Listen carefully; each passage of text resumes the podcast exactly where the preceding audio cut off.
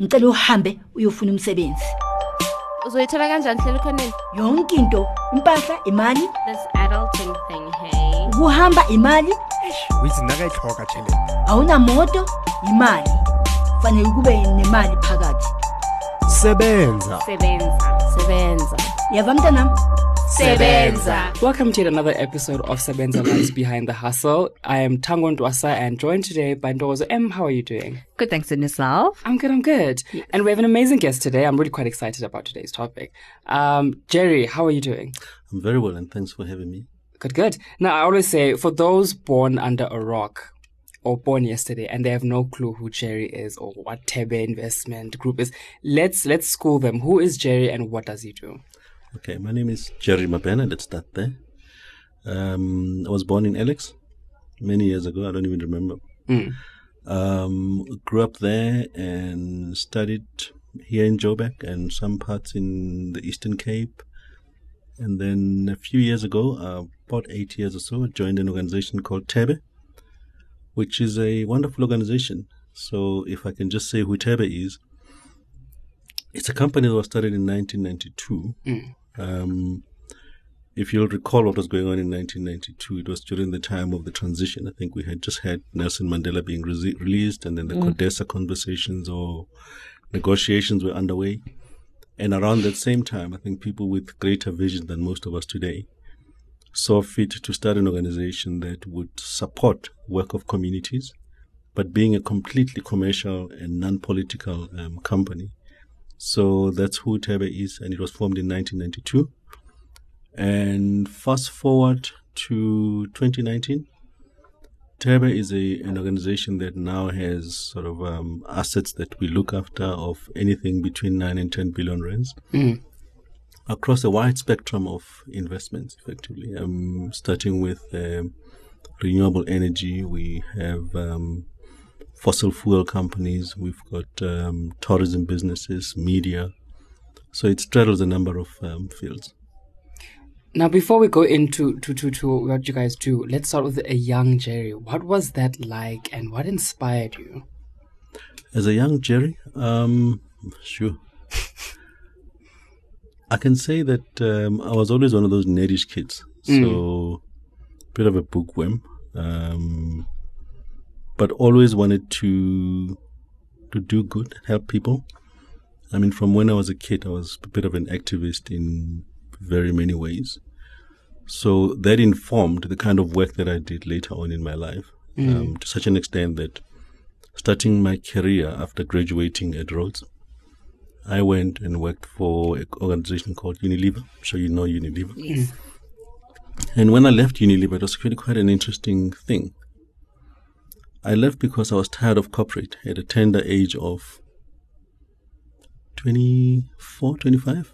That's quite young. Um, so ever since that time, I've had a love-hate relationship with corporate. So when I left there, I actually went and did some work with an organization that was doing redevelopment of schools, in improving the culture of learning in schools um, during the reconstruction and development program. It was part of the what they called back then the 20, 21 presidential lead projects for Nelson Mandela when he had just become president. Mm. Mm.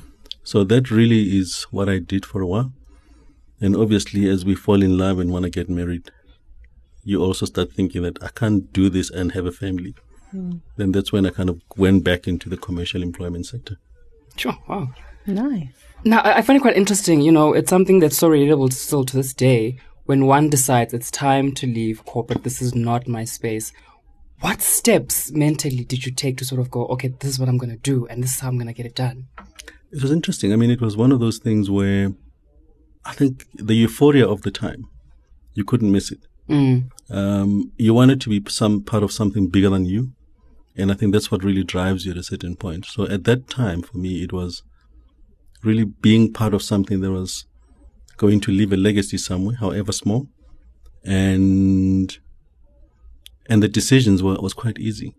I mean, I had to work with my former headmaster, believe it or not. Wow. I mean, who wants to work with their former headmaster?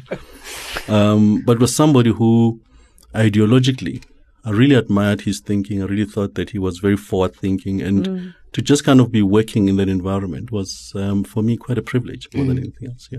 Now you you've had such a huge role in in not only just Unilever. There was um, J. Walter Thompson as well. With with all these these these companies, with- now you've got Thebe. What was that like? Having such huge responsibilities. Funny enough, I didn't say it that way. You, you know, when you're in the middle of it, um, I can think of the time when I was at Telkom. I was all of 28, Mm. running a department of about 30 people, and I was the youngest in the department. Wow. And I had like really, really hardcore Afrikaners in my department who were very conservative and struggling with the transition. So when you ask me what was it like, I think we were dealing with those issues, the issues of relevance in terms of as a black person in, in business, where you really almost had to work twice as hard Mm. just to kind of get that little recognition. So the funny part was at the back of your head, you knew that it was part of the struggle. So you were not kind of walking into these things thinking that it's going to be given to you on a silver platter. So there was a sense that I've got to run twice as fast just to keep up with the other guy next to me who is white and privileged. Mm. So that's really what drove us at the time. Now let's look at Thebe Investment Group, and which which is where you are. Yes. Um, what is your responsibility there, and and what really pushed you to go? This is definitely the next step I need to take in my career. I won't tell you the politics of how I left my previous employer. because I'll probably be kicked out of this building. Wait. Um, but I think what was interesting was at that time, um, I was looking after a business that actually was Kahiso business in property. Mm. And a colleague of mine and I decided that again, um, it was time to leave. And that time to leave was basically based on something that we wanted to do that the organization could not do at the time. And we felt that um, let's get out there and do it ourselves. So we went into the streets of Joburg. Um, the guy's name is Ben, so we used to go around calling ourselves Ben and Jerry, um, not to be confused with ice cream. Uh, And it was around that same time that uh, we made contact with uh, our chairman, Mr. Vusi Khanyile. Mm. And I don't know if he took pity on us or he saw some um, possibilities or talent. A soft spot with Ben and Jerry. yeah, he, he took us in and we came in to, to really drive his uh, property division. Mm. And in no time, he actually said to me, Can you look after these other assets for us? And I looked at him and I said, I know nothing about media. I know nothing about uh, tourism. I know nothing about financial services. And he says, We are here to help you. Mm. And that's basically how it came to be. Now, what is the direction you're taking with, with with this kind of a business? I mean, you're here with media, you've got tourism, you've got all these different facets in it. Mm-hmm. I think the, the organization has grown significantly in the mm-hmm. last 18 months to 24 months. So we tried to list about two years ago, but the market was just not what we would want it to be. So there is kind of a plan to really drive the business into being a, a conglomerate, so to speak, but focusing mostly on the the services piece, which is kind of food and agri, which is a new area that we just really got into in the last couple of years. Um, driving the growth of sectors such as the the, the, the energy space and our involvement in some of the mining assets that we invested in. So those are really big growth areas. But as part of that, there's also a a move in the organization to hive off certain of the non-core assets that are not going to form part of that new group. So which includes the tourism piece and a couple of other investments. So there's kind of a the organization is at a place where it's um, redefining itself as well. All right, we're going to take a small ad break. And when we go back, we're going to discuss the business of tourism. And this is something I'm very interested in. Because apparently we make lots of money in the country for it. So I'm quite excited. Look forward to it. we'll be right back.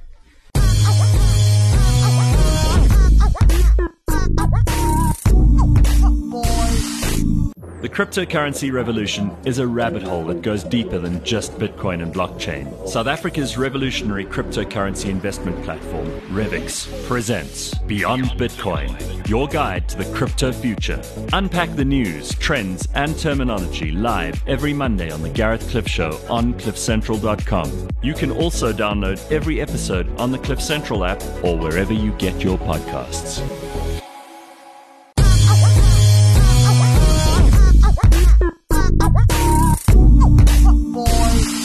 Welcome back again, guys. Um, Jerry, let's let's discuss Thebe tourism, which is something I'm very interested in here. How did that portion of Thebe Investment Group start? Again, I think um, Thebe at the time was really set up by people who were pioneering Mm. in many ways. So a few were a few years after the setting up of Thebe, there was also a sense that being a black-owned firm at that time in South Africa, so there was a need for us to go into spaces that we were going to see as developing spaces for the black market going forward. So around the same time, I think we moved into financial services. And later on, I think uh, there was a need to kind of move into the tourism space again. And that really was driven by, if you think about South Africa at the time, is that we were coming out of the, the whole sort of sanctions space where we are now going to be an accepted member of the international community. Mm. So there was going to be a move of people taking South Africa seriously as a destination, as a place that they want to visit. So really those kind of factors and dynamics in the marketplace then informed the setting up of the business. And it hasn't been a bed of roses. I think people mm. tend to think that you go into these businesses, you start something and then boom, it succeeds. Open a BNB, you can do Yeah. well. um, yeah. I mean, we've made some mistakes. We've burned our fingers. We've um, done some really great work um, in some areas. So I think it's it's it's a combination of things that we've we, we've done over the last um, number of years. But I think the key thing for me has been that in the last three to four years, I think we've kind of recentered ourselves and re-looked the strategy and really said to ourselves, you know, the point that you were alluding to of the business of tourism mm-hmm. is that where is the business of tourism going to come from and what are the things that are going to be driving it going forward? And how can we be part of that particular narrative? But more than that, be part of the narrative that actually talks to tourism as an instrument for development. So it's not just about the commercial side of tourism. It's also about how do you use that particular medium of tourism as an instrument for development. And I think that's something that resonated very well with that sort of um, crazy activist in me. Because now I could suddenly do something in a business environment that actually talks to something that I'm deeply passionate about. And then looking at um, going back to the Waka Waka year that we had, 2010, um, a lot of people also started their own like tourism. Oh, by the way, we lost a lot of money during that year. Yes, I was about to go. We there. lost plenty. And a lot of people went to that direction, Yeah. changing their homes into B and B's and starting small businesses and stuff like that. But then, only to find out that some people were doing it just because it's they've heard that Mm. This year is going to be a great year, start mm. something in tourism. But is the lack of knowledge the reason why people do not succeed in business? Or what can you say when you want to be in a tourism space? That that kind of things that you need to know mm. to stay in there because it's it's it's a changing environment all the time. You know, mm-hmm. you're not gonna have the same guest all the time. You're not gonna have the same season all the time.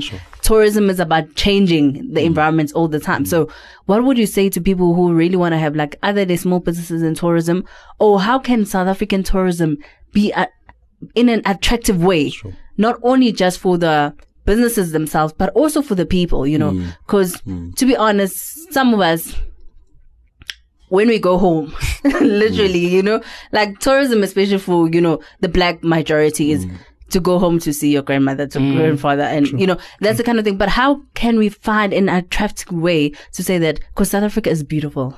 I'm glad you It's the said that. most beautiful I'm country. said that. L- Let me start on the 2010 thing that you mentioned. Mm-hmm. 2010 was an interesting experience because I was not at Thebe at the time. Mm-hmm. But I remember I was looking at a whole lot of tourism projects and initiatives. Now, for some reason, I had the, call it some intervention or whatever, because we were dealing with the, the FIFA guys. And I had a very good relationship with some of the senior FIFA people who were doing the accommodation deals and all those sort of things. Mm. And we were right in the thick of it.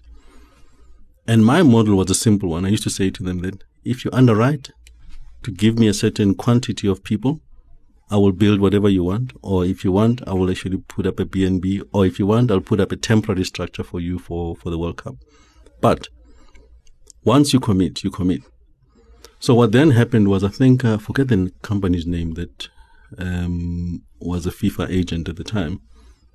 Once you committed, and they actually went and got the visitors to come in, and as soon as Gabelo cancels his visit, they come and cancel with me. So a lot of people committed on the back of um, the FIFA agent saying that we will have people coming, and when they didn't have the people coming, then they went back and cancelled. When they actually had booked to say to you, we will take your entire 10 beds, your entire 15 mm. beds, and people renovated their houses and did all those things, and then the people didn't come in some instances. So they lost a lot of money. Now, back to your, your question now on how do we make tourism attractive to locals, um, but also as a sustainable business, particularly for the Yeah. small um, and medium enterprises. That is something that I'm very passionate about because tourism is a funny thing in that we always think of tourism as the bed or the hotel that you go to, but it's a whole lot of other things that are aligned to it. So there's an entire um, value chain that people forget. When you guys were in Kruger the other day, somebody took you on a drive around. Mm. That's a tourism business. That guy owns the truck, for instance, and he's a guide, and he learns about the animals, and then he tells you about the animals, about the trees, about the flora and the fauna. That's a job, that's a career, that's an opportunity. And then you take somebody who offers you the accommodation.